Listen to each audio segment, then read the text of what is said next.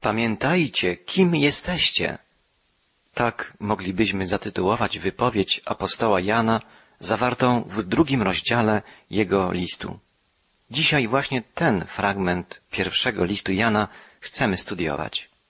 Przeczytajmy najpierw wiersze od dwunastego do czternastego. Drugi rozdział pierwszego listu Jana. Piszę do was, dzieci, bo z powodu Jego imienia zostały wam odpuszczone grzechy. Piszę do was, ojcowie, bo poznaliście tego, który jest od początku. Piszę do was, młodzi, bo pokonaliście złego. Napisałem do was, dzieci, bo poznaliście Ojca. Napisałem do was, ojcowie, bo poznaliście tego, który jest od początku. Napisałem do was, młodzi, bo jesteście mocni i słowo Boga pozostaje w was i pokonaliście złego. Jest to wspaniała, piękna wypowiedź Jana Apostoła. Nie wyklucza jednak faktu, że interpretacja tych słów przysparza wiele problemów. Nie jest to łatwa wypowiedź Jana. Zacznijmy więc od zwrócenia uwagi na dwie sprawy, które nie budzą wątpliwości. Po pierwsze, mimo swej poetyckiej formy i wyraźnego rytmu tego tekstu, nie jest to poezja. Nie może być więc interpretowana jako poezja. Po drugie, jeżeli chodzi o treść tej wypowiedzi apostolskiej, Jan wcześniej ostrzegał swoich czytelników przed niebezpieczeństwem chodzenia w ciemności i mówił o potrzebie chodzenia w światłości. I to jest właściwy kontekst tej wypowiedzi Jana. Teraz apostoł pragnie przypomnieć, że najlepszą obroną jest pamiętanie o tym, kim się jest i co zostało dla nas uczynione. Bez względu na to, kim są ludzie, do których Jan pisze, ich grzechy zostały przebaczone. To podkreśla Jan bardzo mocno. Ludzie ci są ludźmi wierzącymi. Poznali tego, który jest od początku, Chrystusa. Posiadają moc, która jest w stanie przezwyciężyć zło, a raczej złego. Chodzi o osobę. Kiedy Nehemiasza namawiano do ukrycia się, odpowiedział, czy człowiek taki jak ja ma uciekać? W czasie pokusy również chrześcijanin może powiedzieć, czy człowiek taki jak ja ma poddać się takiej błahostce lub pobrudzić sobie ręce taką przewrotnością jak ta? Człowiek, którego grzechy zostały przebaczone, człowiek, który zna Boga, który polega na sile większej niż jego własna, który pamięta o tym wszystkim, co od Boga otrzymał, potrafi przeciwstawić się każdej pokusie. Jan pragnie, by chrześcijanin zawsze pamiętał o tym, kim jest, by pamiętał o przywilejach wynikających z przebywania w Jezusie Chrystusie. To dopomoże mu przezwyciężyć pokusy i uniknąć błędów. Pamiętajmy i my, kim jesteśmy i co Bóg darował nam w Jezusie Chrystusie.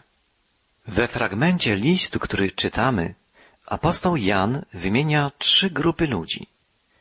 Pisze najpierw o małych dzieciach. Pojawia się tu w greckim oryginale tekstu słowo teknia, a w wierszu następnym paidia. Teknia to małe dziecko, a paidia to dziecko o małym doświadczeniu, potrzebujące wychowania i przygotowania do życia. Potem apostoł zwraca się do ojców i do młodzieńców. Powstaje więc pytanie, do kogo Jan tak naprawdę kieruje swój list? Mogą być trzy odpowiedzi na to pytanie. Po pierwsze, Jan może mieć na myśli trzy grupy członków Kościoła według wieku. Dzieci, ojców i młodzieńców. Dzieci wnoszą niewinność, świeżość. Ojcowie wyróżniają się dojrzałą mądrością, którą obdarza ich doświadczenie. Młodzieńcy posiadają niezbędne siły, które pozwalają im odnosić zwycięstwo nad złem.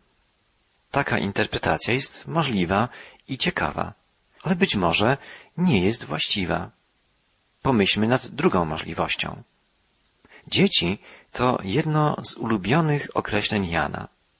często pisze on nawet w tym liście, wielokrotnie, dzieci, piszę do was. A więc być może Jan ma na uwadze nie dzieci, ale chrześcijan, których jest duchowym ojcem. W tym czasie Jan miał około stu lat. Natomiast członkowie wspólnot, bliskich mu wspólnot chrześcijańskich, należeli już do nowej generacji, młodszej generacji i wszyscy mogliby być jego dziećmi. Nieraz nauczyciele traktują swoich uczniów, nawet wtedy, gdy są już dojrzałymi ludźmi, jak dzieci. Być może jeszcze chodzi o jedną rzecz. Błogosławieństwa, o których Jan pisze, nie są wyłączną własnością którejkolwiek z wymienionych grup wiekowych. Na przykład przebaczenie nie należy wyłącznie do dzieci. Chrześcijanin może być młody w wierze, a mimo to posiadać już wspaniałą dojrzałość. Siła do przezwyciężania pokusy nie należy tylko do ludzi młodych. Tak więc błogosławieństwa, o których pisze Jan, nie należą tylko do jakiegoś określonego wieku, do jednej grupy wiekowej chrześcijan. Są udziałem ludzi wierzących w ogóle. A więc być może nie chodzi o podział na grupy wiekowe. Może Jan pisze o błogosławieństwach w węższym i w szerszym zrozumieniu. Niektórzy uważają, że mamy tu do czynienia z dwiema grupami ludzi. Przemawiałoby za tym to, że wyrażenie małe dzieci, określające chrześcijan w ogóle, dzielą się na dwie grupy.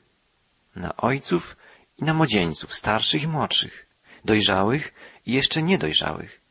Jeszcze inni interpretatorzy twierdzą, że słowa Jana odnoszą się do wszystkich chrześcijan i że w ogóle nie chodzi tu o żadną klasyfikację wiekową. Wszyscy chrześcijanie są podobni do małych dzieci, ponieważ wszyscy za pomocą przebaczenia Jezusa Chrystusa mogą uzyskać niewinność. Wszyscy chrześcijanie są też podobni do ojców, ludzi dojrzałych, odpowiedzialnych, bo coraz lepiej poznają Jezusa Chrystusa i w nim dojrzewają. Wszyscy chrześcijanie są podobni też do młodzieńców, posiadających niezbędne siły do walki, do zwycięstwa z pokusą i grzechem. I to wydaje się być tym szerszym znaczeniem wypowiedzi Jana. W pewnym sensie możemy powiedzieć, że każdy z nas ma być podobny do małego dziecka, do młodzieńca i do ojca. Potrzebne nam są bowiem zarówno niewinność, ufność, jak też siła oraz dojrzałość. Rozważany przez nas tekst mówi o darach Bożych danych człowiekowi w Jezusie Chrystusie. To druga bardzo ważna warstwa tej wypowiedzi apostoła Jana. Popatrzmy więc, co mówi ta wypowiedź apostolska o Bożych darach danych wszystkim, którzy wierzą w Jezusa Chrystusa. Pierwszym z nich, wymienionych przez apostoła, jest dar przebaczenia. Przebaczenia ze względu na osobę Jezusa Chrystusa. Było to podstawowe poselstwo pierwszych chrześcijan. Zostali oni posłani, żeby nawoływać do pokuty i zwiastować odpuszczenie grzechów. W Antiochii Pizydyjskiej apostoł Paweł zwiastował zgromadzonemu ludowi przebaczenie grzechów poprzez Jezusa Chrystusa. Mieć przebaczenie to być w pokoju z Bogiem. I ten właśnie dar Jezus przynosi ludziom. Jan używa tu bardzo ciekawego zwrotu. Pisze, iż przebaczenie jest dane człowiekowi dla imienia Jezusa. W naszym współczesnym tłumaczeniu ta wypowiedź brzmi Piszę do was dzieci, bo z powodu Jego imienia zostały wam odpuszczone grzechy. Przebaczenie przychodzi poprzez imię Jezusa Chrystusa. Żydzi posługiwali się imieniem w szczególny sposób. Imię to nie było jedynie słowo, nazwa, którym określona była dana osoba. Imię to pełnia charakteru tej osoby. Takie zastosowanie imienia występuje szczególnie w Księdze Psalmów. Czytamy na przykład w Psalmie dziewiątym Ufać będą Tobie, którzy znają imię Twoje. Nie chodzi tu o to, że tylko ci, którzy znają Boga jako Jahwe, będą Mu ufać. ufać mu będą ci, którzy znają jego naturę, wiedzą, kim on jest. Psalmista woła, przez wzgląd na imię swoje, Panie, odpuść grzech mój, bo jest wielki. Znaczy to przez wzgląd na Twoją miłość i miłosierdzie, Twoją łaskawość. Ze względu na to, kim jesteś, odpuść nam, Panie. Charakter Boga jest gwarantem odpowiedzi na modlitwę każdego wołającego. Psalmista wołał, przez wzgląd na imię Twoje będziesz mnie prowadził i wiódł. Poeta natchniony może przedłożyć swoje prośby, ponieważ zna imię, charakter Boga.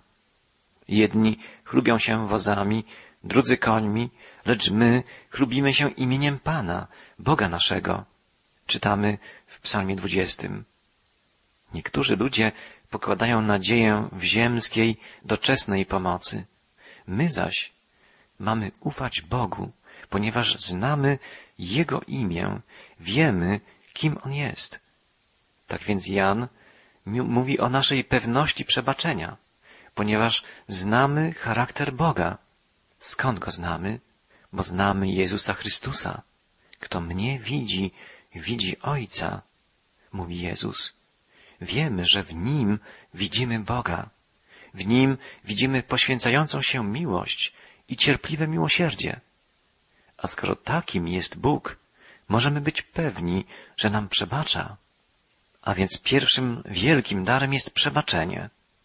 Darem drugim jest wzrastające poznanie Boga.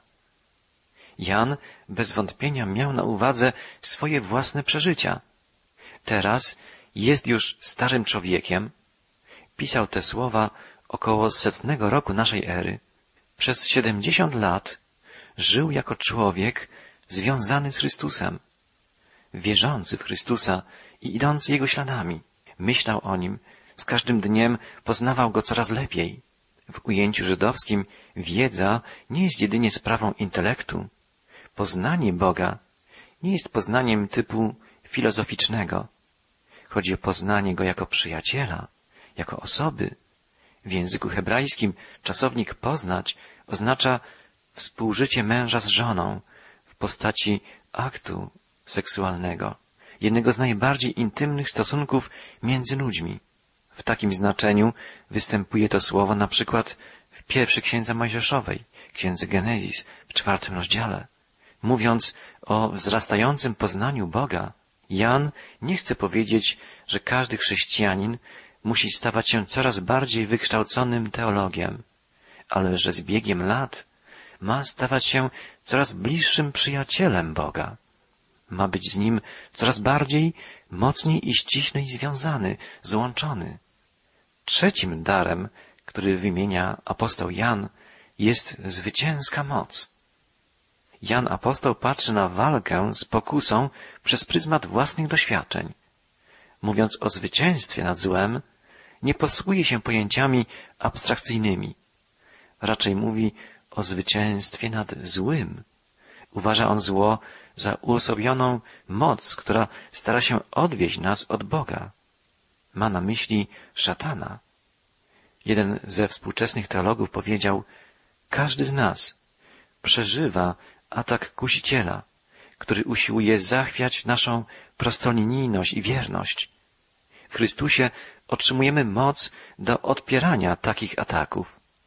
Inaczej mówiąc, w obecności pewnych ludzi łatwo jest być złym, zaś w obecności innych dobrym.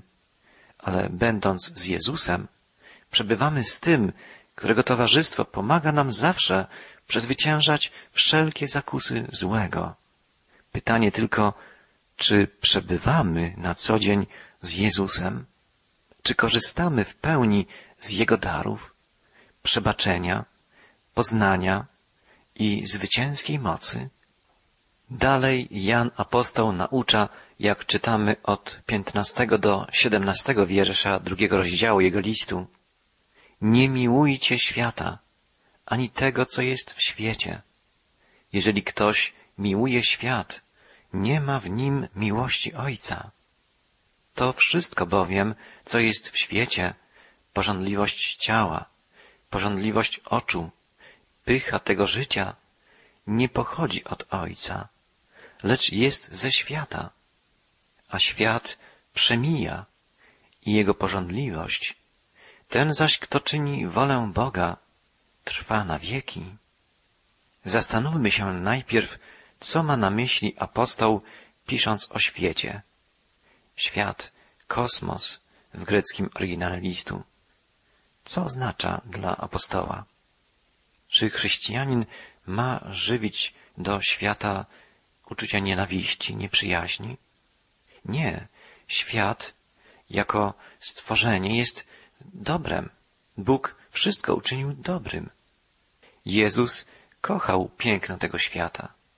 Powiedział, iż nawet Salomon, wspaniały król izraelski, nie posiadał takiej chwały, jaką ma jedna lilia palna, kwitnąca przepięknie.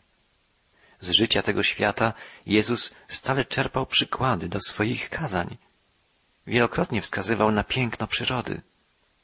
Nie chodzi o to znaczenie świata. Ziemia nie jest własnością szatana. Ziemia i wszystko, co ją wypełnia, należy do Pana. Słowo kosmos posiada tu zabarwienie moralne. Oznacza świat znajdujący się z dala od Boga. Świat urządzony przez człowieka. Jan ma na uwadze społeczeństwo ludzkie oparte na niewłaściwych zasadach. Społeczeństwo, które cechuje się niegodziwymi pragnieniami, fałszywymi wartościami, a przede wszystkim skrajnym egoizmem.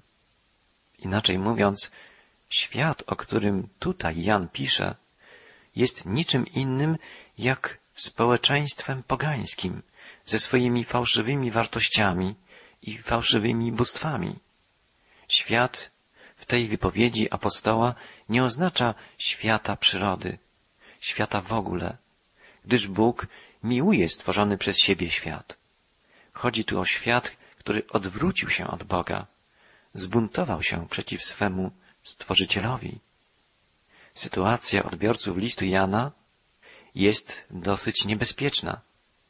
Nie są oni prześladowani, a jednak są zagrożeni pokusą pójścia na kompromis z tym właśnie światem. Chrześcijanin nigdy nie może zapomnieć o tym, że ma być inny od ludzi tego świata. W tej wypowiedzi Jan widzi wszystko tak jak zawsze w czarno-białych kolorach. Odniesieniu do tej sprawy nie można być neutralnym, podkreśla apostoł. Nie można być obojętnym. Człowiek albo kocha świat, albo kocha Boga. Gdyż sam Jezus powiedział, nikt nie może dwom panom służyć. Musimy podjąć zasadniczą decyzję. Czy ulegamy zasadom tego świata, czy też żyjemy zgodnie z tym, czego oczekuje od nas Bóg? Apostoł Jan wskazuje na koniec trzy grzechy typowe dla ludzi tego świata. Pisze o porządliwości ciała, o porządliwości oczu i o pysze życia. Co znaczy porządliwość ciała? W naszym ujęciu współczesnym wyrażenie to łączymy najczęściej z grzechami seksualnymi, ale w Nowym Testamencie ujęcie jest znacznie szersze. Oznacza nie tylko tego rodzaju grzechy cielesne, ale na przykład o życie zdominowane w ogóle przez zmysłowość, o nieumiarkowane obiadanie się, poddawanie się wymogom życia materialnego, pławienie się w przyjemnościach, obojętność w sprawach moralnych, egoistyczne korzystanie z dóbr materialnych, lekceważenie wartości duchowych, zaspokajanie wszystkich pragnień cielesnych. Porządliwość cielesna to nastawienie niezważające na przykazania Boże, na Boży osąd, na Boże zasady, Boże pryncypia, a nawet na samo istnienie Boga. Tego grzechu nie przypisujmy tylko wielkim grzesznikom. Każdy, kto kosztem innych zaspokaja swoje przyjemności, kto nie zważając na innych realizuje swoje własne cele, kto żyje przepychu mimo niedostatku swoich bliźnich, kto ze swoich wygód i swoich ambicji tworzy bożka, jest sługą porządliwości ciała. Po drugie, Apostoł pisze o pożądliwości oczu. Jest to cecha człowieka, który pragnie posiąść wszystko, co widzi i pyszni się, kiedy to posiądzie. Jest to przekonanie o tym, że szczęście można znaleźć w tym, co można obejrzeć i kupić za pieniądze. Porządliwość wzrokowa cechuje człowieka, którego interesują wyłącznie rzeczy materialne. I po trzecie, Jan Apostoł pisze o pysze życia. W oryginale greckim znajdujemy tu najsilniejsze i najbardziej obrazowe słowo alazoneia.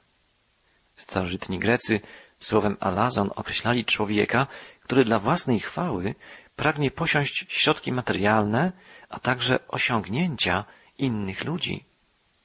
Jeden z greckich wybitnych moralistów, Teofrast, znawca charakteru ludzkiego, słowem tym określał takiego człowieka, który stojąc na brzegu morskim chwali się okrętami, rzekomo pływającymi dla niego po dalekich morzach.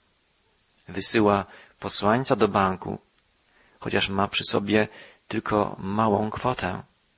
Szeroko opowiada o swoich przyjaciołach wśród wysoko postawionych osobistości, o listach otrzymywanych od słynnych ludzi.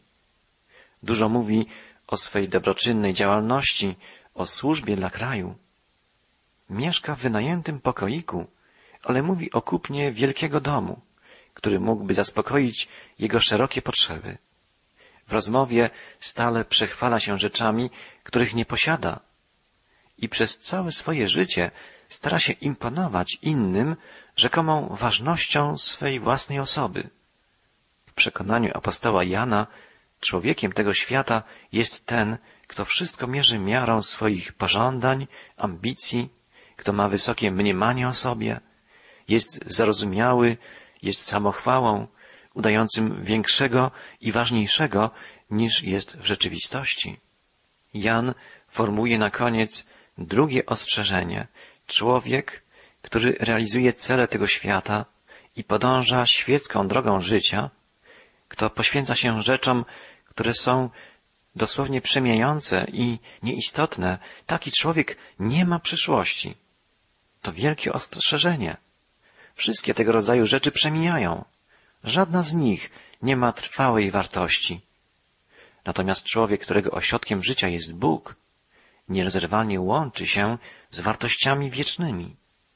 Człowiek tego świata jest skazany na niepowodzenie, zaś człowiek Boży może być pewien niekończący się radości. Pomyślmy, jak wielką radość przeżyją ci, którzy przylgnęli sercem do rzeczy trwałych, niezniszczalnych, wiecznych. Oby ta radość stała się i naszym udziałem.